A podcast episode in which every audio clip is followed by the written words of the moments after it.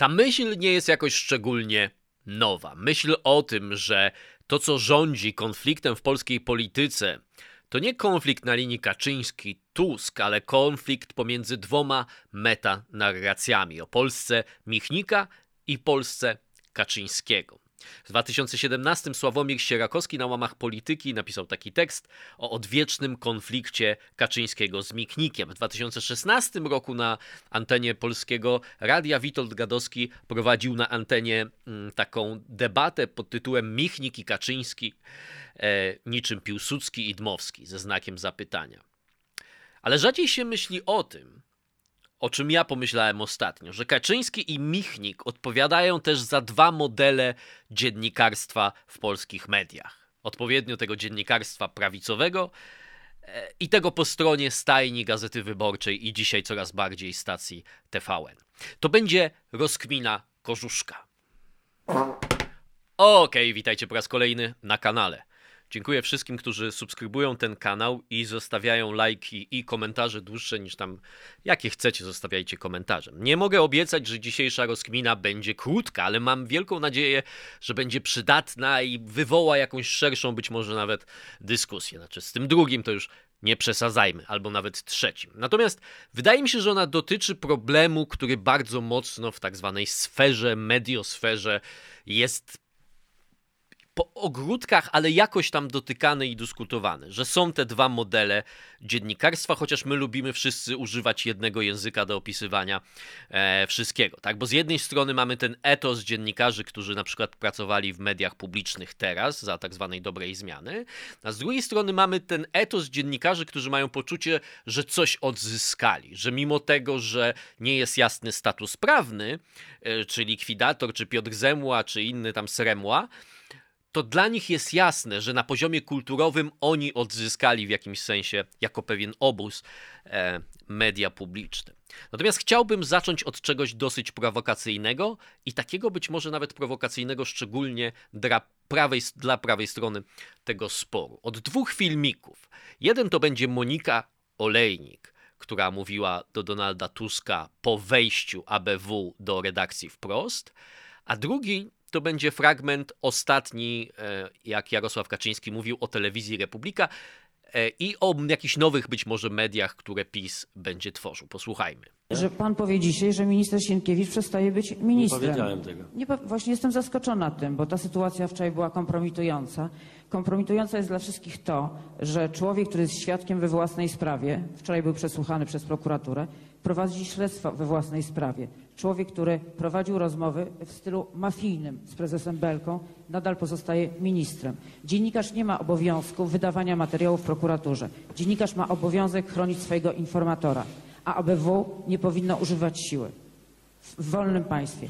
Nie znam y, państwa demokratycznego, gdzie wchodziliby siło, gdzieś siłowo by wchodziło ABW i prokuratura. To się pierwszy raz wydarzyło do 1989 roku i całe środowisko dziennikarskie jest przeciwko panu, panie premierze. Przykro mi. Tak, to zauważyłem. Oni na pewno będą twardo dążyli do tego, żeby Polacy nie byli dobrze informowani ani o tym, co się dzieje lokalnie, na przykład w Sandomierzu, ani o tym, co się dzieje w Polsce i nawet w wielkiej mierze o tym, co się dzieje w świecie. My prowadzimy z tym walkę. Pięknie walczy Republika, ale ona nie ma sił na to, żeby zastąpić. Proszę? Proszę Państwa, ale ja nie twierdzę, że ją zabiorą, ja tylko twierdzę, że ona jest, nie ma takich sił, żeby zastąpić telewizję publiczną, ale my przygotowujemy także inne inicjatywy, tylko że to parę miesięcy potrwa. Będziecie Państwo mieli telewizję taką dużo, dużo większą, no nie taką jak publiczna, bo ona parę miliardów rocznie kosztowała i takich pieniędzy to my z całą pewnością nie zdobędziemy, ale będzie telewizja taka naprawdę no, znacznie bogatsza niż Republika, przy całym szacunku dla tego, co dzisiaj dla Polski robi Republika. No i to jest niezwykle ciekawe.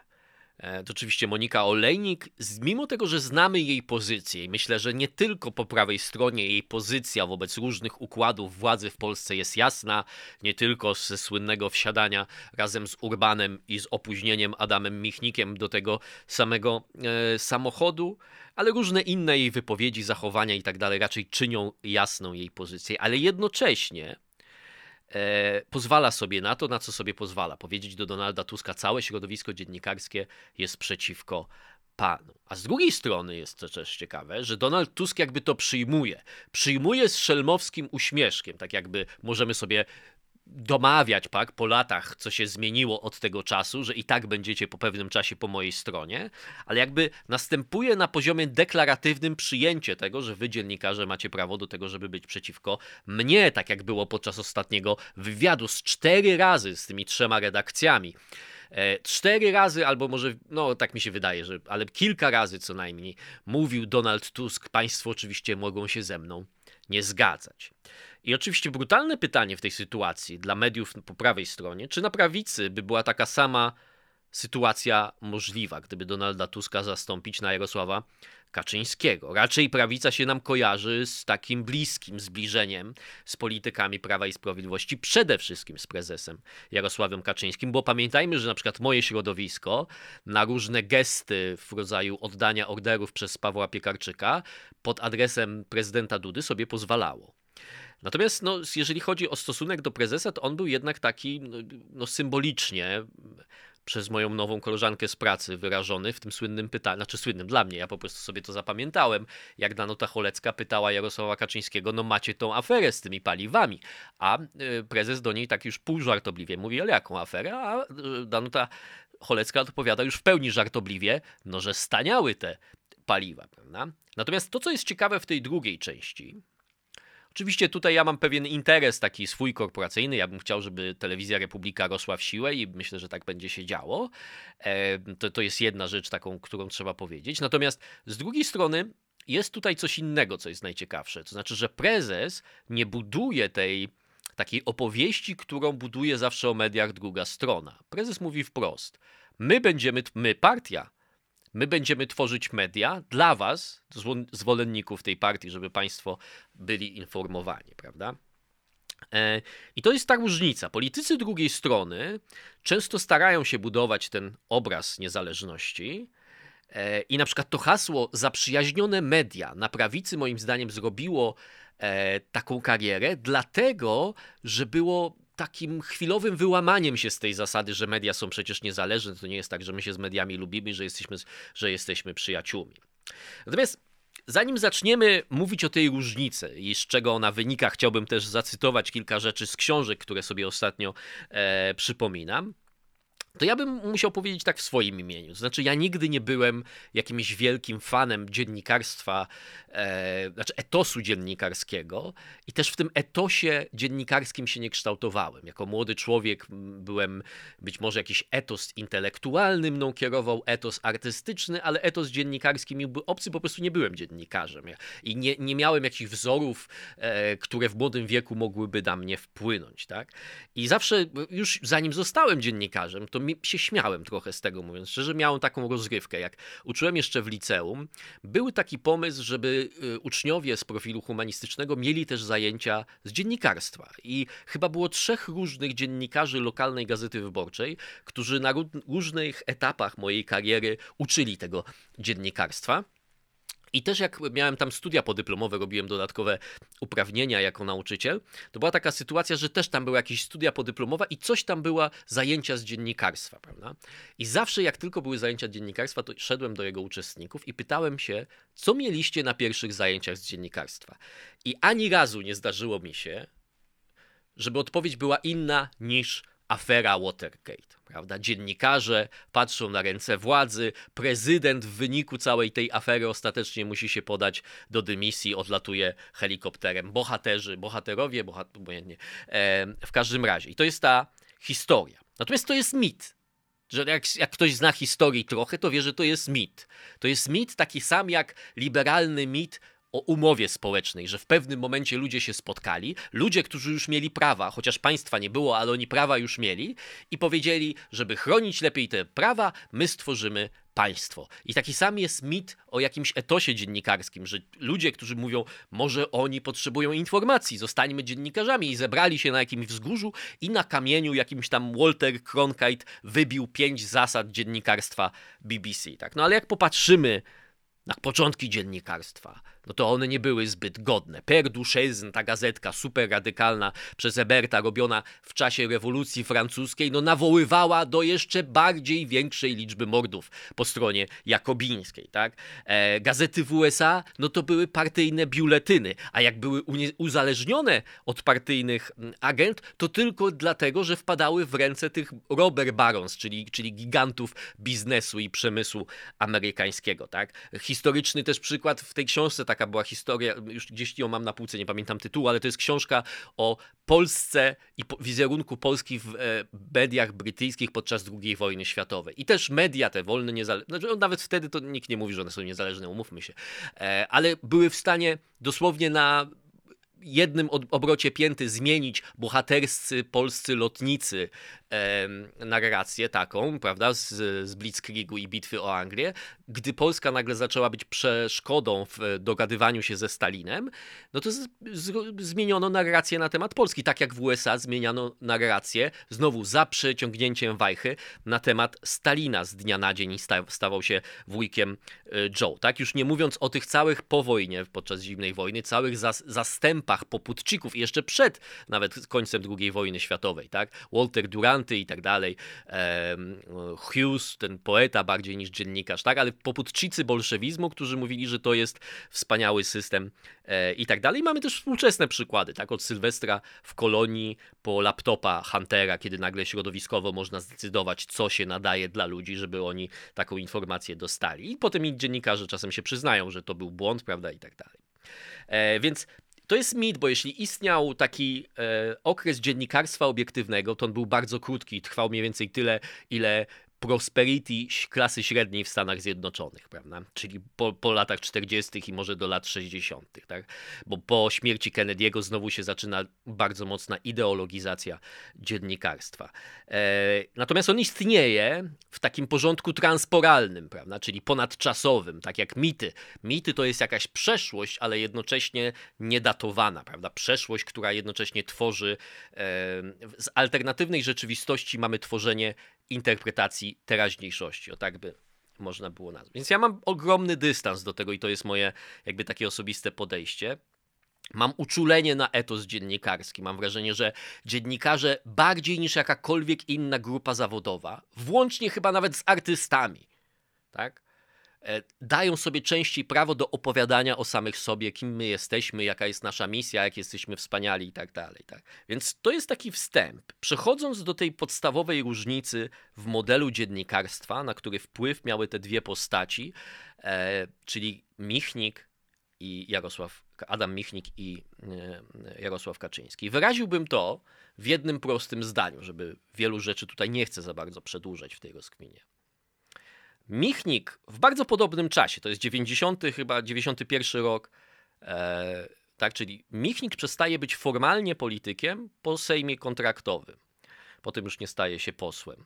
I w tym mniej więcej, w tym, to mówię, to jest odległość tam kilku lat, ale w tym samym okresie Kaczyński przestaje być redaktorem naczelnym tygodnika Solidarność i staje się, znaczy już wcześniej był polityk, cały czas był właściwie politykiem, a to był tylko taki krótki epizod jego w jakimś sensie z dziennikarstwem. Zresztą e, jak się czyta tam pamiętniki różnej opowieści, no to generalnie e, wtedy już Jarosław Kaczyński traktował to jako jedno z narzędzi do tworzenia pewnej swojej agendy politycznej, tworzenia wpływów i tak dalej. Tak?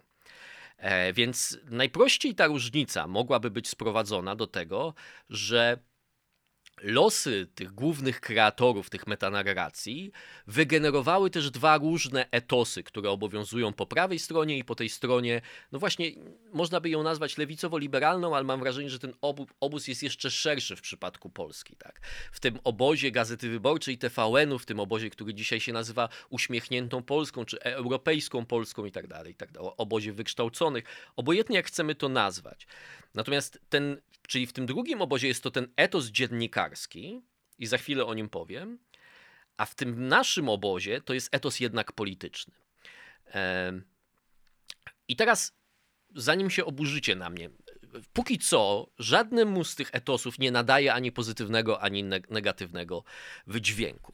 Ale na czym polegał ten etos w przypadku Gazety Wyborczej, możemy na przykład poczytać sobie w doskonałej książce Romana Graczyka o Adamie Michniku. Wartościowej także dlatego, że nie, to nie jest książka publicystyczna i nie jest książka na pewno napisana przez kogoś, kto ma jakieś głęboko prawicowe poglądy. Jest tu wiele e, relacji z współpracowników Adama Michnika i dziennikarzy Gazety Wyborczej, byłych albo nawet aktualnych.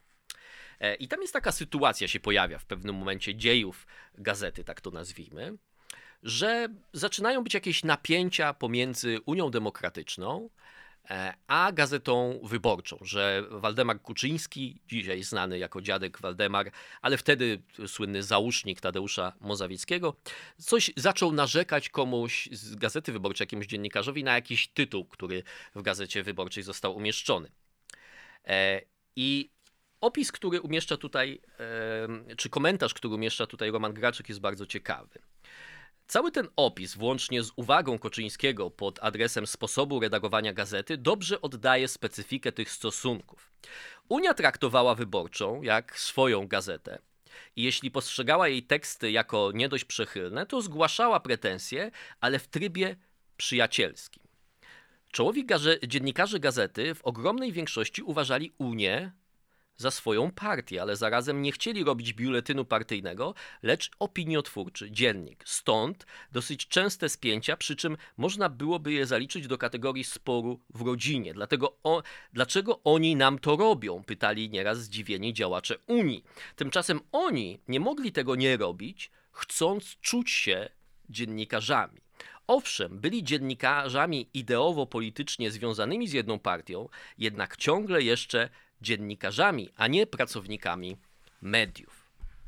To sporo mówi nam o tym, jak te, o momencie przede wszystkim, kiedy ten etos się budował. I to dostarcza nam też trochę odpowiedzi na to, dlaczego ten gest był ważny dla Moniki Olejnik i dlaczego ona e, się tak zachowywała. Ja bym to nazwał, ten, jakby zawartość tego etosu jest taka, że ona łączy potrzebę czegoś, co ja bym nazwał operacyjno-deklaratywną niezależnością. Operacyjna jest faktyczna, to znaczy, że rzeczywiście tam nie, nie jakby dziennikarz się by poczuł urażony, jakby polityk zadzwonił i powiedział zrób to i to i to. Ale na poziomie towarzyskim zasadniczo można było uznawać wspólnotę, i do tej pory moim zdaniem tak jest, można uznawać wspólnotę ideologiczną. I zasada, która była po prawej stronie, była taka, że tę niezależność operacyjno-deklaratywną prawica zawsze otaczała ogromną nieufnością. Wręcz często snując takie e, teorie, że, że to jest taka zależność bardzo głęboka i tak dalej, i tak dalej. Natomiast ten mit się utrzymał. Żeby podać wam inny przykład, z tego, z tej debaty, o której powiedziałem, Uczestnikiem był m.in. Paweł Wroński, dzisiaj rzecznik MSZ-u, wtedy jeszcze dziennikarz Gazety Wyborczej. I pytanie było takie, czy można powiedzieć, że Adam Michnik i Jarosław Kaczyński odgrywają taką rolę jak Dmowski i Piłsudski. Obojętnie kogo, przy, przy, oczywiście Kaczyński bardziej Piłsudski, Dmowski do Michnika, no to nie pasuje, ale chodzi o bardziej rangę niż o poglądy, prawda? I Wroński powiedział coś takiego. Jestem historykiem i lubię analogie historyczne. Ale tu trzeba zwrócić uwagę, że zarówno Piłsudski, jak i Dmowski byli kreatorami. Adam Michnik był nim tylko do pewnego momentu. Potem był dziennikarzem. Natomiast Jarosław Kaczyński był przede wszystkim politykiem. Nigdy nie był ideologiem, przekonywał Paweł Broński, publicysta Gazety Wyborczej. Otóż uważam, że to zdanie jest nieprawdziwe właściwie na wszystkich. Oprócz tego, że Dmowski i Piłsudski byli kreatorami, to Kaczyński był ideologiem i Michnik też był kreatorem, prawda? Michnik był politykiem po tym, jak już nie był posłem, a z pewnością był tym, co nazywa Paweł Wroński kreatorem, tak? Mówiło się na niego, że jest wiceprezydentem Kwaśniewskiego, tak? Mówiło się o triumviracie Michnik, Miller, Kwaśniewski. E, wreszcie, jak się spojrzy na historię odpalenia przez Gazetę Wyborczą afery Rywina, to ewidentnie jest to działanie człowieka, który rozumie tę grę, jaką jest polityka i rozumie dalekosiężne konsekwencje dla niego, dla jego środowiska i także dla szerszego obozu politycznego, z którym on się jakoś tam identyfikuje. E, natomiast różnica polega na tym, że w tym środowisku Gazety Wyborczej i moim zdaniem wszystkich, wielu dziennikarzy, nie wszystkich, ale bardzo wielu dziennikarzy, którzy, którzy z tej szkoły wyborczej się wywodzą albo przez te takie, można powiedzieć, etosowe zadzierzgnięcia, prawda, biograficzne, że ktoś jest uczniem kogoś, ktoś jest mistrzem kogoś i to potem ma swoje multiplikacje. Więc oni mają taką potrzebę, żeby jednak powiedzieć, że nie był politykiem Adam Michnik. Tak? Pisał, tak jakby wersja ich jest taka, pisał przekonywał ludzi swoimi argumentami i siłą swojego pióra w istocie, a że był genialny, no to przekonał no, właściwie w pewnym momencie prawie wszystkich. To była tylko siła jego pióra. E, I to jest chyba jedna z istotnych różnic pomiędzy Jarosławem Kaczyńskim, ich postrzeganiem polityki, a Adamem Michnikiem. Istotny fragment znajduje się w książce też doskonałej o jednym takim, biografia Jarosława Kaczyńskiego napisanej przez Piotra Zarębę. Kiedy on mówi o źródłach myślenia e, o państwie, wtedy jeszcze komunistycznym Jarosława Kaczyńskiego, e, na, nie wiem jak to nazwać, no, był podopiecznym profesora Stanisława Erlicha. O tym też piszą w pierwszym tomie biografii Lecha Kaczyńskiego, wpływie właśnie Erlicha, mm, Sławomir Cęckiewicz i inni współautorzy tej, tej książki. I Zaręba pisze tak. Gdyby przyjąć e, e, logikę trwającego od początku trzeciej RP, starcia pomiędzy Jarosławem Kaczyńskim i Adamem Michnikiem, warto zwrócić uwagę na pewien charakterystyczny szczegół. E, warto zwrócić uwagę, to, to, wielkie manifesty Michnika z lat 89-93, a i późniejsze także, przenikliwy recenzent tamtej debaty, E, świętej pamięci już dzisiaj Paweł Śpiewak, nie mający nic wspólnego z ówczesną prawicą, uznał za dzieło typowego historyk, historyka i pisarza, naszpikowane nieustannym odwoływaniem się do ducha dziejów i literacką moralistyką, z łatwością dzielącą świat na tych dobrych i na tych złych. Kaczyński, choć to jego pomawiana o czarno-biały manicheizm, był za to nieodrodzonym uczniem profesora Erlicha, odwołującym się do opisu rzeczywistości, w której działają grupy nacisków, w której toczy się realna gra interesów, w której prawo ma swoją określoną, nie tylko deklarowaną oficjalnie treść. I to jest ta kluczowa ostatnia szczególnie, od wszystkie, wszystko to jest bardzo ważne, ale ta ostatnia część dotycząca prawa, też to obserwujemy w Polsce. Jest taka część twórców debaty, którzy mówią, liberalna demokracja ma swoje zasady, tak jak Franz Timmermans mówił, to jest praworządność i my tak ją rozumiemy ta, i tak dalej, tak dalej. I to jest pewna idea. To nie jest tak, że my mamy wspólne interesy z Donaldem Tuskiem. Nie, nam zależy na tych wartościach. Prawda? I Adam Michnik zawsze reprezentował to samo myślenie. Liberalna na przykład demokracja, demokracja w ogóle ma pewne zasady abstrakcyjne, które intelektualnie, jak ktoś jest e, myślącym człowiekiem, to może je zrozumieć i rzeczywistość należy porównywać do tego, prawda? Natomiast e, paradoks tej różnicy polega na tym, że jeżeli Kaczyński rozumował w przypadku Kaczyńskiego, jeszcze, jeszcze powiedzmy o tym chwilę. Ja to tak rozumiem. Chciałbym to przestudiować jeszcze lepiej, więc e, jak ktoś ma jakieś książki na przykład na, na temat tego profesora Erlicha i, e, i co on sądził na temat wielu rzeczy, to mnie to bardzo interesuje.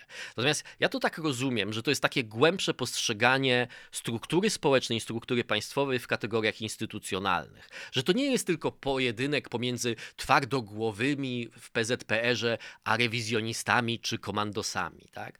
Że są jeszcze inne grupy, że są jeszcze grupy interesu, że są, że czasem ludzie mogą się różnić niby ideologicznie, ale łączy ich na przykład wspólny interes w jakiejś sprawie, znajomości itd., tak itd. Tak I że te wszystkie instytucje też wytwarzają pewne postawy e, i w tym sensie działają. Tak? Natomiast Paradoks polega na tym, że o ile Kaczyński rozumował w kategoriach tych grup nacisku, to Adam Michnik długo w trzeciej RP był być może najpotężniejszą grupą nacisku. Oczywiście nie sam, ale stał na jej czele. Prawda?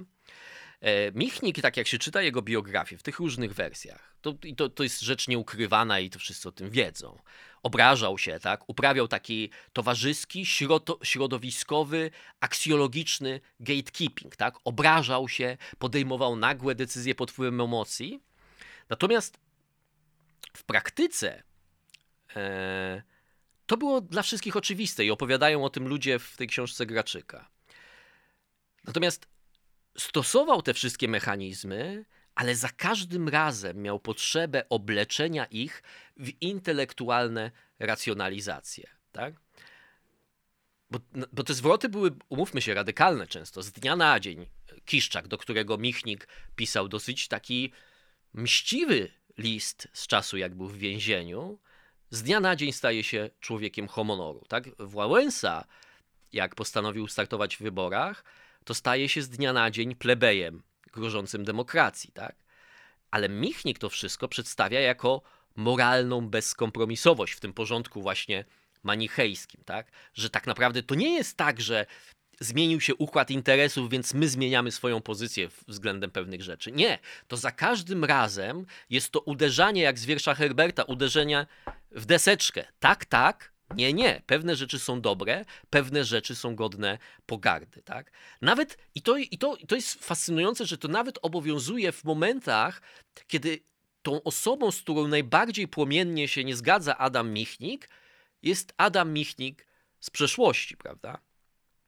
E, to przykład, e, zapomniałem imienia tego działacza, e, no ale Mencfeld nazwisko, Andrzej, Andrzej Mencfeld chyba, tak? To jeden z aresztowanych po marcu 68 roku, który się złamał w więzieniu, prawda? Podczas śledztwa. I Michnik go otoczył społeczną i towarzyską anatemą, także z nim się nie należy zadawać. Ale potem oczywiście, gdy w wolnej już Polsce zaczynają się dyskusje e, o lustracji, ten sam Adam Michnik używa argumentu dotyczącego więźniów marca 68, że nikt nie ma prawa oceniać tego, czy w tych trudnych bardzo warunkach, jakby tutaj się historycznie należy z nim zgodzić. No, więźniowie e, marca 68 pewnie mieli gorzej, w gorszym więzieniu siedzieli niż internowani po, w stanie wojennym. Prawda? To też oczywiście zależy od kon, mm, konkretnego e, przypadku. Tak? Ale, ale jakby on jasno daje taką wskazówkę, że już teraz nie wolno ocen, takich ocen już nie wolno dokonywać. Tak? E, I nigdy nie wystarczyło mu że ja teraz mam władzę, ja teraz mam wpływy, ja teraz mam najważniejszą w Polsce gazetę. E, I ja po prostu tak mówię i koniec. I jak się z tym nie zgadzacie, to sobie zbudujcie swoją gazetę, ale tak, takie są brutalne e, fakty i brutalne realia mm, polityki, prawda? E, ale musiał zawsze stworzyć tą racjonalizację, która mówiła każdy myślący człowiek, który na sercu ma demokrację, Polskę i tak dalej, i te wszystkie ważne wartości, zgodziłby się ze mną. E, więc różnica polega na tym, że Kaczyński by powiedział, że wyborcza brutalnie wygrała walkę o wpływy, a Michnik by powiedział, że to zapewne ma swoje źródło w kompleksach Kaczyńskiego po pierwsze, bo wyborcza wygrała tylko y, bitwę na argumenty, w której wszyscy mieli równe e, szanse. Tak? Żeby jeszcze o tym, o tym tworzeniu tej legendy, bo legenda moim zdaniem, e, ta legenda już nie jest taka sama. Mm, e, Justyna Dobrocz, Oracz, Dobrosz Oracz, Patryk Michalski, wszyscy tu hunwejbini etosu dziennikarskiego dzisiaj, którzy nam się objawiają, e, oni nie wierzą w te sam, estetycznie to już nie jest to samo, co u Adama Michnika. Oni już nie są komandosami, oni e, pewnie ich rodzice w przypadku Patryka Michalskiego to w okolicach 68 roku sami byli jeszcze pewnie dziećmi. Nieważne, w każdym razie, ale jakby myślenie o konieczności, taka pocz poczucie potrzeby budowania tego etosu, tak? Tego etosu bezkompromisowości, tego etosu walki z tym, co jest złe, z tym, co wszyscy wiemy, że jest zagrożeniem dla polskiej demokracji, e, to w nich pozostało. I to jest część, to jest jakaś kopia kopii pewnie, bo może oni nawet z Michnikiem samym już kontaktów nie mieli, ale wpływali na nich ludzie, którzy, na których wpływ miał potężny e, Adam Michnik. Druga rzecz, to jest taka sytuacja, z dziennikarzem Gazety Wyborczej, którą opisuje Graczek w tej książce, e, który po rządach PiSu w roku 2008 napisał tekst, Rafał Kałukin, on się, e, Kalukin, przepraszam, nazywa. E, I ten tekst jego był dosyć krytyczny wobec środowiska liberalno-lewicowego, środowiska Gazety Wyborczej. I się kończył takim zdaniem. Obawiam się, że jeśli nie przebudzimy się, jeśli nie zmierzymy się z własnymi błędami, które tak nadszerpnęły nasz autorytet, pozostanie nam już tylko jałowe odtwarzanie pamięci w minionych czasach, gdy hartowała się polska demokracja. Być może nawet ktoś wypełni pozostawioną w ten sposób inteligencką lukę, ale nie ma gwarancji, że będzie to zmiana na lepsze. Natomiast od tego, co napisał Kalukin, co moim zdaniem taki tekst jakoś tam gdzieś pewnie, pewnie już się nawet pojawił, ale, ale to też jest taki czas, w którym prawica. To, to też ciekawe, że e, Kalukin to pisze po przegranych przez PiS wyborach, prawda? Prawica, e, no ale to, to, już, to już są jakieś tam różnice m, mm, też interesujące na jakąś inną rozkminę, nie zastanawiajmy się nad tym teraz. Natomiast Michnik zdecydował, tam była cała wojna taka administracyjno-redakcyjna o to, czy ten tekst puścić i tak dalej. E, to opisuje Graczek, ale w to już nie chcę się za bardzo tutaj wchodzić. Natomiast Michnik w końcu napisał o odpowiedź. Do, I ona jest dużo bardziej, moim zdaniem, istotna dla naszych tutaj rozważań niż to nawet, co napisał sam e, Rafał Kalukin. Nadchodzi czas Twojego pokolenia, Rafale. Jedną mam tylko dla Was przestrogę. Nie, nie otwierajcie się zbyt łatwo na wiatr dziejów. Płyńcie pod prąd. Nie otwierajcie się zbyt szeroko na wiatr dziejów, płyńcie pod prąd. Mówi e, i nawet Graczyk to e, tak komentuje. Zauważmy, co się stało. Dziennikarz pisze tekst kontestujący potroszę kierunek gazety, potroszę jej język, zostaje wtedy poproszony przez naczelnego o przerobienie go, a gdy to robi, pozbawiając tekst wyrazistości, zostaje przezeń napiętnowany jako konformista. E, Kalukin sam to pouczenie, żebym nigdy nie płynął z prądem, żebym odnalazł w sobie źródło nonkonformizmu, co powinno cechować każdego inteligentia, to było kompletne odwrócenie znaczeń. Nie pierwsze odwrócenie i nie ostatnie pewnie w wykonaniu e, Adama Michnika. Natomiast e, jakby to jest najkrótsze wyjaśnienie tego, dlaczego ja jakby nie szanuję i dlatego nigdy nie używam tych sformułowań. Nie, nie, nie podoba mi się to mówienie dom. Ja rozumiem, że Republika musi się promować i że ja jestem częścią tego środowiska, natomiast jakby te wszystkie patrzymy władzy na ręce, my jesteśmy tacy bezstronni, jesteśmy domem wolnego słowa. To jakby po pierwsze jakby to jest kopia jakiegoś tego etosu, który, w który wierzy druga strona. I nie chodzi o to, że bezstronność sama w sobie jest zła, jeżeli kiedykolwiek była, czy rzetelność jest zła, rzetelność już jest bardziej realna, tak? Ale że w istocie e, to jest taki kostium, tak? To jest kostium, który e, który się przywdziewa. Do tego, żeby nie powiedzieć, że my jesteśmy tymi, którzy kreują przekaz, my jesteśmy tymi, którzy zmieniają myślenie istotnej części polskiego społeczeństwa, tymi, którzy uczą ich, jak myśleć. Tak? E, więc to jest taki paradoks mm, tego dziennikarstwa mainstreamowego, tak, takie nazwijmy, e, czyli mediów wszystkich, które z prawicą zawsze walczyły, dziennikarskiego trzeciej RP, to znaczy, że z jednej strony jest jasne dla tych wszystkich ludzi, że my jesteśmy bezstronni i jest jasne, że wszyscy wiemy, że jesteśmy niezależni, ale tak samo jest jasne, że wszyscy wiemy, w którą stronę ten wektor bezstronności powinien być skierowany. To znaczy, jakby ten podział manichejski świata mm, demokratów i zagrożeń dla demokracji pozostaje ciągle w mocy, tak? Czyli innymi słowy, płyniemy pod prąd, ale też wiemy, w którą stronę płynie prąd, prawda? Prądy nie jest tak, że prądy są różne i czasem można się narazić jednym, a czasem drugim. Zasadniczo zawsze walczymy z jednym systemem, tak? Tak jak y, zastanawiająca dla mnie była ta scena, jak Radomir Wit miał to starcie, w którym obydwie strony zachowały się głupio. To mówiłem o tym nawet w swoim programie. Ale z, z Piotrem Glińskim, prawda? Jak e, on coś tam do niego powiedział, a Radomir Wit mówi, skończyły się czasy obrażania dziennikarzy. Co w ogóle jest jakby ja rozumiem, że y, jest jakiś, to też jest jakaś tam nawet nie kwestia dziennikarstwa, jakieś etykiety, jak ludzie się do siebie zwracają, ludzie wykonują pewien zawód, więc jakby ja to rozumiem. Natomiast jakby ciekawe jest to, dlaczego Radomir Wit mówi, że się skończyły czasy. No skończyły się, bo co się zmieniło? Władza się zmieniła, prawda? Czyli wy już nie będziecie nas obrażać, bo nie macie władzy. Teraz władzę ma, no nie może nie nasi, ale tacy coraz nas lepiej rozumieją, tak? E, I tak samo jest ta sytuacja, że dziennikarze uznają, że no TVP, chociaż jest w rękach jakiegoś tam mm, Edward Ochab, to nawet nie jest on, tego Piotra Zembły, kimkolwiek jest ten człowiek, to jest ich teraz. To, to teraz będzie naprawdę czysta woda, prawda? E, I paradoks drugi polega na tym, e, że większość tych dziennikarzy nie musi głosić otwarcie swojej lojalności wobec jakiejś partii, bo oni nie są lojalni wobec jakiejś partii, żeby była jasność. To znaczy, ja mam wrażenie, że to, co zrobiła Monika Olejnik, to nie był jakiś gest uzgodniony z e, Donaldem Tuskiem. My was trochę teraz pokrytykujemy, a potem, jak już zaczniemy was znowu chwalić, to to będzie miało podwójną moc. Tak? I nie wykluczam, że takie rzeczy się działy, ale w tym przypadku bym, to, to jest moja intuicja, że tak nie było. Że to był autentyczny intuicja czy potrzeba Moniki Olejnik, tak, żeby pokazać, lubimy się, ale nie aż tak. Prawda?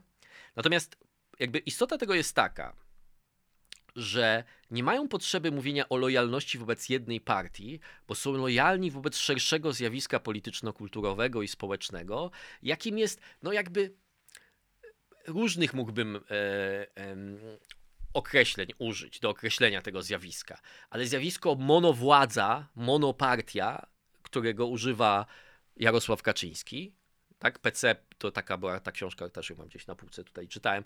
E, PC y, Sojusz przeciwko monowładzy, czy coś takiego. E, to, to, I ta monopartia to jest coś szerszego, coś, co przekracza partię. Dlatego Donald Tusk, po tym jak Unia, Euro, Unia Europejska, Unia Wolności upadła, straciła wiarygodność, po, mógł przejąć tę masę upadłościową i w pewnym sensie był kontynuatorem, jest kontynuatorem tej tradycji kulturowej, bo tak jak e, Gazeta Wyborcza i Michnik zawsze tworzyła klasyfikację ludzi chorych z nienawiści, tak Tusk na poziomie kulturowym w taki dosyć mało twórczy w porównaniu z Michnikiem sposób moim zdaniem, ale dlatego on nie jest kreatorem tej metanarracji, tylko jest jakby przekaźnikiem. E, no ale uczynienie z Piotra Szczęsnego na początku kadencji z Pawła Adamowicza jako ofiar ludzi chorych z nienawiści, to też jest, to też jest rzecz wiele mówiąca. Natomiast oczywiście to jest wszystko jakaś taka kombinacja kostiumu, Czyli innymi słowy, oni jednocześnie mają potrzebę, żeby mówić, że są bardzo niezależni, ale nie wyrzekają się, i to, to nie jest dla nich konflikt wartości, tego manichejskiego stosunku, o którym mówiłem. Czyli te dwie rzeczy ze sobą funkcjonują. Tak? E, natomiast jest w tym, tak jak mówiłem ostatnio o tej walce klas, która dzisiaj moim zdaniem jest brutalniejsza nawet niż w przeszłości, na poziomie symbolicznym. Dlatego, że to też widać w etosie samego Adama Michnika. Jak Adam Michnik w roku 2006 kogokolwiek mógłby uczyć płynięcia pod prąd, tak, będąc szefem takiej redakcji. Oczywiście Waldemar Kuczyński całą taką historię opowiada, że właściwie Adam Michnik często był zawiedziony tym, co się dzieje w Polsce, ale jednocześnie miał ogromne wpływy na sposób myślenia tych ludzi, także, którzy podejmowali kluczowe decyzje. Tak? E, natomiast on woli powiedzieć, my płynęliśmy pod prąd, my jesteśmy buntownicy, dlatego moim zdaniem taką rolę też, e, można powiedzieć, teatralną odgrywa ten strój Michnika, który się stawia w kluczowych miejscach e, w kroksach. Chociaż jak słusznie zwraca uwagę Roman Graczyk, nigdy ten strój lumpa nie towarzyszył mu na zachodzie. Zawsze wtedy, jak dostawał doktoraty honoris causa, to, to, to miał garnitury i wiedział, jak się ubrać. Ale w polskim, nawet w Pałacu Prezydenckim, pojawia się w kroksach. Ale to ma też moim zdaniem taką funkcję, żeby pokazać, ja jestem tym komandosem, ja jestem tym odklejeńcem, ja jestem tym buntownikiem, którego może nie rozumieją ludzie, tak? Tylko jakby znowu to jest część legendy. Znaczy, Adam Michnik w praktyce stosuje te wszystkie mechanizmy, które rozumie i o których mówi Jarosław Kaczyński, o których mówił profesor Erlich.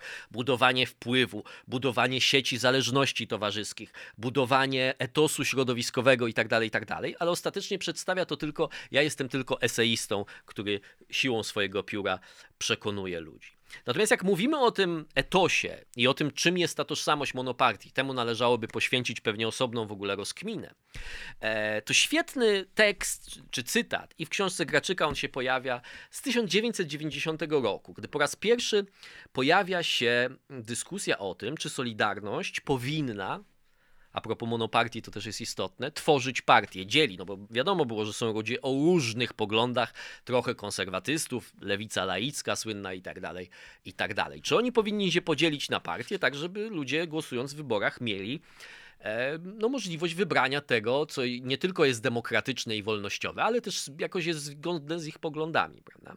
I Gazeta Wyborcza była, PC oczywiście była chyba pierwszą, no, była tam ta Road jeszcze, to tam Antoniego Dudka by trzeba było zapytać o dokładne daty powstawania tych rzeczy, ale PC była no, no, je, pierwszą tak zdecydowanie tworzoną partią ze strukturami i ze wszystkim, niezależną od całego ruchu solidarnościowego. Oczywiście wywodząc większość działaczy to byli przecież solidarnościowcy e, porozumienia centrum. Tak? E, zaraz. O, już wiem, dobra. E, I Gazeta Wyborcza jest bardzo przeciw. Tak? E, Michnik pisze teksty takie jak nie spieszmy się z podziałami. Tak? Lepiej, żeby Solidarność była jednością, tak? antytotalitarną, demokratyczną e, i tak dalej, i tak dalej. Tak? Natomiast Ernest Skalski pisze taki tekst, po którym zadomowiło się też w publicystce Gazety Wyborczej takie określenie, i to jest też tytuł też tego tekstu, bieda partie. E, jeszcze w kwietniu 1990 roku. On pisze, że one są wrzaskliwe, natrętne ze swoimi hasłami, z postulatami skierowanymi donikąd, z żądaniami, o których każdy wie, że są nie do spełnienia. Nie, nie powinny się opierać przy swoim istnieniu. Nie powinny, i to jest kluczowe hasło, bo wszystkie wielkie cele zostały już spełnione. I tutaj mamy takiego Fukuyamy dla ubogich w wersji dla inteligenta trzeciej RP to, co się miało zdarzyć, upadek komunizmu się wydarzył. Teraz wszyscy jesteśmy, wszyscy rozumiemy, w którą stronę należy iść, trzeba iść na zachód. I to jest ta wizja, która także rządzi myśleniem, moim zdaniem, w pewnym sensie e, mentalnym zwolenników na przykład dzisiejszej koalicji 15 mm, października. To znaczy, że właśnie to jest oczywiste, mm, jaka jest ścieżka dla Polski, oczywiste jest, co trzeba robić, ludzie mądrzy wiedzą, co trzeba robić, natomiast no, pojawiają się ludzie tacy jak Kaczyński, który odwołuje się do tej części ludzkiej, populistycznej, części autorytarnej, części osobowości, jak mówi Ann Applebaum, i oni trochę ten porządek naruszają, i dlatego im trzeba postawić tak silny opór. Tak? Czyli innymi słowy, to jest niezależność e, po stronie dziennikarzy, ale z drugiej strony większość z nich zgłosiła akces do tego sposobu bezalternatywnego myślenia o europeizacji, okcydentalizacji, demokratyzacji, liberalizacji Polski i tego, jak ta transformacja powinna przebiegać. I oczywiste jest to, że to też jest kolejny mit, prawda? Bo nawet na wczesnych etapach transformacji pojawiało się wiele pytań i dokonywano wielu wyborów, które mogły iść w tę lub w tamtą stronę. Tak, nic nie było nigdy zagwarantowane. No a szczególnie na tym etapie transformacji, na którym my jesteśmy, tych pytań jest jeszcze więcej, tak? Jak e, rozpoznawać interesy niemieckie, no ale jednocześnie w jakiś sposób kooperować z Niemcami, ale nie z pozycji e, postkolonialnej na klęczkach i tak dalej, e, i tak dalej. E, więc ten, ten, ten Fukuyama dla ubogich, prawda? Bo mu Fukuyama w tym sensie, że koniec historii, tak jak mówi Skalski, wielkie cele zostały osiągnięte, no dawał też pewne zabezpieczenie, że my środowiskowo możemy się trzymać razem ze sobą, bo my znamy prawidłową odpowiedź na kluczowe pytania. Prawda? Więc to, w tym nie ma nic złego. To znaczy, jakby można być bezstronnym, ale gdy dyskusja, to by powiedzieli na przykład demokraci dzisiaj w Stanach Zjednoczonych. Można być bezstronnym, można dawać głos różnym stronom, no ale nie w momencie, kiedy to jest tylko kłamstwo, kiedy my jesteśmy po stronie nauki, a oni są po stronie e, przesądów, prawda, i tak dalej, i tak dalej. Na koniec jeszcze chwilę chciałem powiedzieć o tym, więc zacząłem od w pewnym sensie pochwały tego modelu dziennikarstwa lewicowego, że Monika Olejnik sobie pozwoliła na coś, na co wielu prawicowych, większość pewnie prawicowych dziennikarzy by sobie nie pozwoliła. Ale z drugiej strony też dokonałem jego pewnej dekonstrukcji. Dlaczego ja w ten model nie wierzę, dlaczego mam uczulenie na te opowieści o tej dziennikarskiej niezależności i tak dalej. Natomiast warto wrócić do tego myślenia Jarosława Kaczyńskiego. Jaki on miał wpływ na dziennikarstwo po prawej stronie? I wydaje mi się, że jak patrzę na tę wypowiedź, to ona jest częścią takiego realizmu, Kaczyńskiego, który właśnie patrzy na różne instytucje, że w nich są ludzie, którzy e, tymi instytucjami kierują, że są grupy interesu, że są grupy nacisku. Niezwykle ciekawy jest ten, super ciekawy jest ten, e, ta debata z 90 roku jeszcze, Michnik-Kaczyński, w której Kaczyński doskonale sobie poradził, a Michnik wyszedł na furiata. E, to a propos takiego przyprawiania gąb różnych w trzeciej RP, prawda, że jedni są wysublimowani, a Kaczyński to właśnie jest manichejski. I, ale nawet ta debata, która jest dostępna na YouTubie z 93 roku, też ją wam polecam, bo tam widać, jak na przykład, jaki wysublimowany było spojrzenie Jarosława Kaczyńskiego na e, PZPR, na PRL, E, I, I też jak Michnik, pod, jak oni się potrafili w wielu kwestiach na poziomie intelektualnym porozum- nie zgadzać się ze sobą, ale że to nie, jakby, no to takie, takie jest też e, odświeżające w pewnym sensie, chociaż pochodzi z dalekiej, sprzed 30 ponad lat e, ta rozmowa. Natomiast wydaje mi się, że cała ta część etosu, tej manichejskiej moralności dziennikarskiej. No, dla Adama Michnika, Michnik nawet chyba samo sobie tak często nie mówił, że jest dziennikarzem, tylko że jest pisarzem, eseistą, prawda, twórcą opinii, twórcą gazety. E, I że cała, że te wszystkie peany, on jakby, on je postrzegał, Jarosław Kaczyński postrzegał je rzeczywiście jako takie sztuczne kostiumy, którym trochę nie warto poświęcać wiele uwagi, tak? E, w tym sensie, że Kaczyński jest politykiem i media traktuje bez całej tej mitologii. To znaczy traktuje jako jedno z narzędzi do realizowania celów. One są potrzebne, żeby ludzie nie byli wykluczeni. I na przykład taką rolę spełniało w jego oczach, myślę, TVP i moich też, mówiąc szczerze. Pomimo swojej stronniczości, to odwoływało się, e, przychodziło z myśleniem do ludzi, e, którym się mówiło przez wiele lat, że ich myślenie jest właśnie zoologicznym, czymś złym i zwierzęcym i tak dalej, i tak dalej. Czyli ich jakby godnościowo odbudowywało. E, natomiast jest, jest też jakby pewne obciążenia są związane z tym modelem. Żadne medium na prawej stronie nigdy nie zbudowało takiej niezależnej pozycji albo zagranicznego kapitału, nie uzyskało takiego, by prowadzić z prezesem taką grę, jak Gazeta Wyborcza prowadziła z Unią Wolności, czy potem TVN prowadził z środowiskiem, z Donaldem Tuskiem przede wszystkim, ale ze środowiskiem Platformy, tak? Czyli to jest taka gra, w której mówimy, my się znamy, my się lubimy, my się w wielu kwestiach ze sobą zgadzamy, ale róbmy to wszystko tak, żeby każdy w tym zachowywał jakąś tam godność, tak? E, I wydaje mi się też, że na postrzeganie mediów przez Jarosława Kaczyńskiego e, miało wpływ to, jak bezwzględnie był traktowany przez media trzeciej RP. O tym pisze e, Piotr Zaręba. E, ale też e, jakby to, że właśnie analizując na poziomie grup wpływów i grup nacisku, wiedział, że za tą moralistyką i aksjologią Adama Michnika w rzeczywistości tak, to się znajduje walka o wpływy, walka dla mnie, dla mojego środowiska, walka o, o te wszystkie rzeczy, prawda? I przez to Kaczyński mógł nie widzieć potrzeby, co jest chyba dosyć bolesne czasem dla ludzi po prawej stronie, godnościowego dowartościowywania dziennikarzy na prawicy. I w moim zdaniem e, to jak TVP, znaczy Jarosław Kaczyński nie zarządzał TVP e, podczas dobrej zmiany i pewnie wiele rzeczy mu się nie podobało. Trudno powiedzieć mi, co mu się podobało, co mu się nie podobało. Jakby to też nie, nie polega moja rola na tym, żeby próbować się wczuć w jego myśli. Ja tylko jakby pewne intuicje swoje tutaj zdradzam.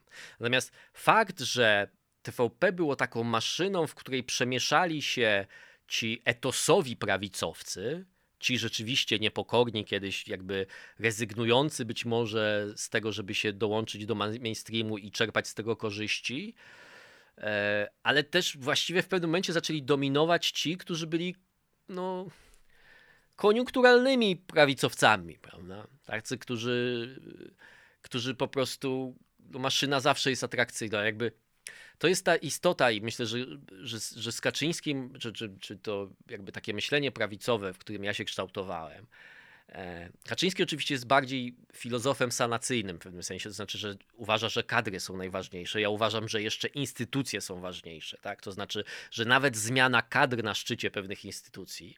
Jest taka słynna, Zaręba to cytuję w BBN-ie, w Wałęsy, rozmowa na temat, dlaczego na przykład trzeba skazać Jaruzelskiego. I Kaczyński mówi tak, jak skażemy Jaruzelskiego, to dół czyli te niższe stopnie społeczno-politycznej i instytucjonalnej hierarchii, zareagują niejako same z siebie. W tym sensie, że skoro szef został skazany, to mówi Kaczyński, na przykład dyrektor szkoły, który wyrzucał kiedyś nauczycieli za e, Solidarność, też się nie utrzyma na stanowisku, bo ludzie przestaną się go bać. No i jest w, pewnym, w, pewien, w pewnym sensie jakiś, e, jakaś prawda.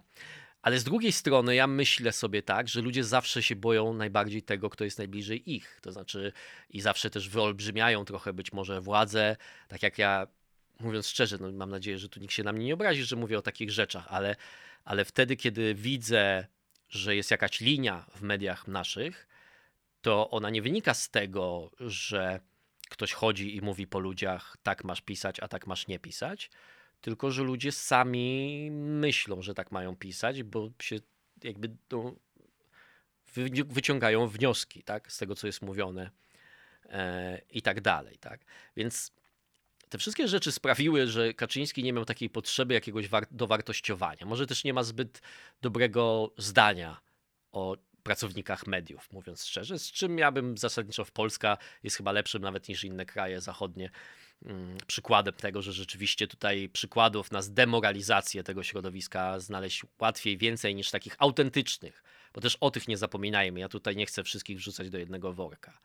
Autentycznych, e, no takich bojowników jakiś o prawdę nawet, bym użył takiego górnolotnego słowa. E, natomiast problemem moim zdaniem mediów na prawicy jest jeszcze jedna kwestia – to znaczy, Michnik był dominującą postacią towarzysko-intelektualnie. Czytam teraz różne eseje Adama Michnika i one są fascynujące w pewnym sensie, ale nie wiem, czy tam jeszcze nie działał ten taki aspekt, że Adam miał tą charyzmę taką osobistą, tak? Ehm, Graczyk opisuje wiele spotkań jeszcze w czasie stanu, w czasie stanu wojennego chyba nie, nie to już tam trzeba by ustalić, w którym on momencie siedział w więzieniu, a w którym nie siedział, tak? Ale w czasie na pewno tego karnawału Solidarności posierpniowego, także on autentycznie zniewalał ludzi tą umiejętnością opowiadania, anegdot i tak dalej. Więc to może nie być taka czysto intelektualna wielkość jego myśli, ale myślę, że z Kaczyńskim można powiedzieć to samo. On też zniewalał ludzi, tak? Wielu jest takich, którzy opowiadają, wielu jest takich, zresztą jak się posłucha do tej pory jak on buduje te swoje, Zaręba na, nazywa to szkatułkowe struktury dyskursyjne, które jednocześnie, to jest tak jak z jazzem, prawda, jak się czyta pamiętniki e, muzyków jazzowych, którzy opowiadali na przykład o Johnie Coltrane, jak on improwizował, że w pewnym momencie nawet ludzie, którzy znali dobrze i słyszeli dobrze muzykę, mówili, gdzie on idzie z tymi nutami, wyszedł poza strukturę rytmu e, i poza strukturę akordów. I nagle się okazywało, że idealnie lądował w tym miejscu, e, w którym powinien e, lądować, kiedy temat znowu się pojawi. I, to, I trochę podobnie jest z Jarosławem Kaczyńskim, czyli on robi wrażenie. Natomiast różnica między nimi polega na tym, że Adam Michnik ten, ten swoją dominację e, skierował w stronę kreacji tego etosu dziennikarsko-inteligenckiego, natomiast Jarosław Kaczyński skierował w stronę budowania etosu politycznego. Prawda? E, I więc większy zarzut ja nie mam nawet do Kaczyńskiego, tak jak on, bo dlaczego polityk miałby budować media w ogóle, zacznijmy od tego, tak? E, taki, który ma tyle obowiązków i tyle e, trudności przed sobą. Natomiast fakt, że on też zdominował intelektualnie część środowiska prawicowych mediów, no powoduje, że one, te media, też w jakimś sensie weszły w ten etos polityczny, że jakby często mamy, mam wrażenie takiego u nas dwójmyślenia, że się śmiejemy z Kolendy Zaleskiej, która biegnie z mikrofonem z Donaldem Tuskiem, ale jakby te wszystkie spotkania z Jarosławem Kaczyńskim, dawanie mu nagród Człowieka Roku i tak dalej, i tak dalej, no jakby to, to nas jakoś nie. Ja nie mówię, że to powinno nas razić, ale że w pewnym sensie to jest ciekawe, prawda? To znaczy, że my mamy miarkę, która mówi, że jakby Monika Olejnik sobie przypijała piątki, z, albo jak wsiada do samochodu z Urbanem i z Michnikiem, e, to to jest coś niehalo, ale jak my się spotykamy z politykami i na jakichś spotkaniach publicznych mówimy my o wspólnej walce i oni mówią o wspólnej walce, to jakoś to się, e, to się spina, prawda? I ja to w, sensie, w pewnym sensie rozumiem, dlatego że też wytworzyło się coś takiego jak syndrom oblężonej twierdzy i on jest faktycznie motywowany, to znaczy fakt, fakt jest taki, ja ostatnio tak, jak ludzie, tak, Dominika Wielowiejska w tym celuje. Prawica narzeka, że media są zdominowane przez lewicę, a jak coś budowała, to jej zawsze nie wychodziło, tak. No, no tak, tylko że znowu e, można mieć pretensje. Ja mam pretensje wiele o tym, co prawica budowała i na ile zbudowała, jak nie zbudowała i tak dalej. To jest osobny temat. Natomiast ta gra nie była równa, no panowie i panie, no nie oszukujmy się, ta gra nigdy nie była równa. Adam Michnik miał znajomości na zachodzie, Adam Michnik był znajomym Jaruzelskiego, potem Kwaśniewskiego, potem nieważne, ja już nawet nie chcę mówić, że to był ukryty komunista, jakby ja w te mam trochę bardziej wysublimowaną wersję tej najnowszej historii Polski. Natomiast jakby ten, ta oblężona twierdza sprawia, że ten los ten obóz, o inaczej powiem, nie ma komfortu prawicowe media długo nie miały, a myślę, że w którymś momencie będą musiały go mieć, bo po prostu czasy się też zmieniają, media się zmieniają, żeby zbudować osobny obóz względem prawicowej polityki, że to był zawsze jeden i ten sam obóz. E, jak się udało w ogóle go trochę rozszerzyć, to już był sukces wszystkich razem. Więc to rozdzielenie losu dziennikarzy i polityków nie było takie łatwe po prostu też, więc no, być może jest w jakimś sensie usprawiedliwione, chociaż no mówię, takim ludziom którzy mają moje, a ja mam nastawienie takie, że jak mi ktokolwiek coś mówi, co, z czym ja się nawet zgadzam, ale że mam mi, powie mi zrób tak, to ja mam po prostu odejdź ode mnie. Miałem taką kiedyś piosenkę, lepiej się ode mnie odsuń. Na sam koniec. Chciałem tak to podsumować, że jeżeli mamy te dwa modele myślenia, to myślenie szczególnie instytucjon- o sile instytucji, sile powiązań w tych instytucjach Kaczyńskiego i przynajmniej ta deklaratywna część Michnika, który mówił, że najważniejsze są te podstawowe myśli, najważniejsze są te podstawowe wartości, to taki bym następny paradoks przedstawił, że paradoksalnie Michnik przegrał z Kaczyńskim walkę o wyborczą. To znaczy, etos w wersji Michnika się nie uchował, ale siła instytucji i jej umiejętność wywierania wpływu, kreowania pewnej kultury się uchowała. Żeby wam podać konkretny przykład, oczywiście Jarosław Kaczyński nie kontroluje Gazety Wyborczej i nigdy jej nie kontrolował, ale jego sposób myślenia okazał się prawdziwy w rozwoju Gazety Wyborczej, o tak byśmy powiedzieli. Tak. E... Na przykład Adam Michnik, to nie była tajemnica dla nikogo, można to przeczytać w tych wszystkich książkach, nigdy nie był fanem tej nowej, światopoglądowej, radykalnej lewicy. Bronił Kościoła katolickiego bardzo długo, potem mu się zmieniło akurat.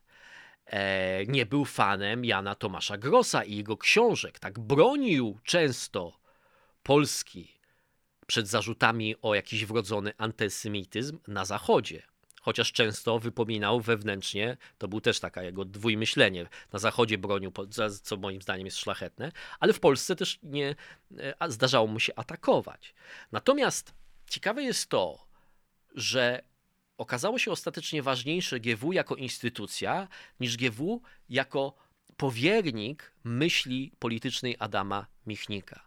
Bo okazało się, że dla tego środowiska przejęcie go de facto przez osób światopoglądowo identyfikujących się z tą nową lewicą, przez środowisko krytyki politycznej i że teraz Gazeta Wyborcza króluje, czy Wysokie Obcasy, szczególnie takie, takie wydawnictwa w tych wszystkich światopoglądowych, LGBT-owych nowinkach, okazało się naturalne, bo ta instytucja tak została stworzona. Tak? Dlatego ja zawsze mówię, instytucje mają to do siebie, często, szczególnie jak są trochę zdemoralizowane, że można nad nimi przejąć kontrolę, ale one też będą przejmowały kontrolę trochę nad nami. Kiedyś nawet myślałem, żeby napisać takie opowiadanie ilustrujące to, że gdzieś następuje upadek e, reżimu totalitarnego i przedstawiciel już nowego demokratycznego rządu wchodzi do siedziby służb specjalnych.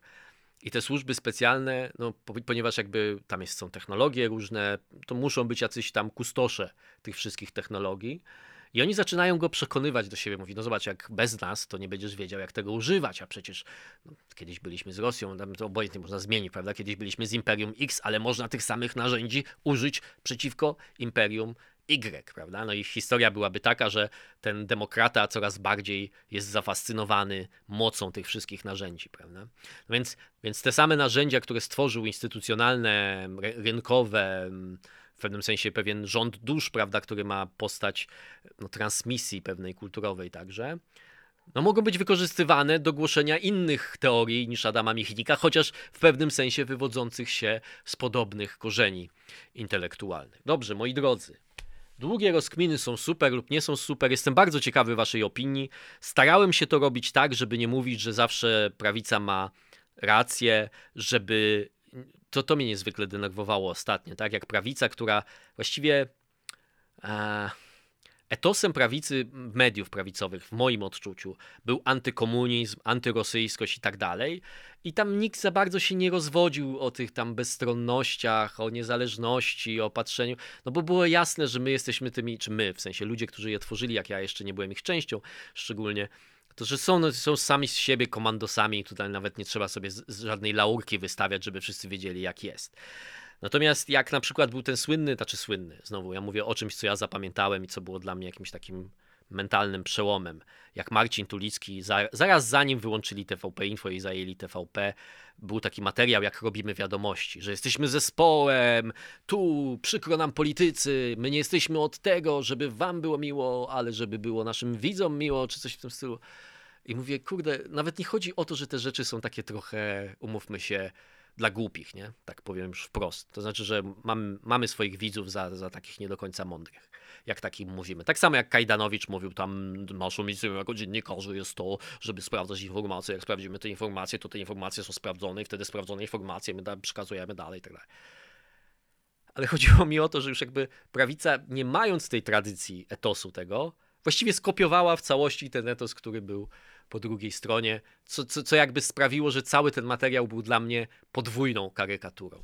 I to jest ostatnia moja refleksja. Będę Wam wdzięczny za komentarze, będę Wam wdzięczny za wsparcie. Ostatnio ktoś mnie zapytał, więc ja powiedziałem mu, więc teraz mogę powiedzieć tym, którzy dotrwali do końca. Jak ktoś z Was ma potrzebę, żeby mnie wesprzeć, to jest taka możliwość zrobienia super podziękowania. Ktoś to odkrył na YouTubie i mi zapłacił jakieś pieniądze, nie wiem po co. Nie ma takiej potrzeby z mojej strony. Jeżeli Wy macie taką potrzebę, to to róbcie.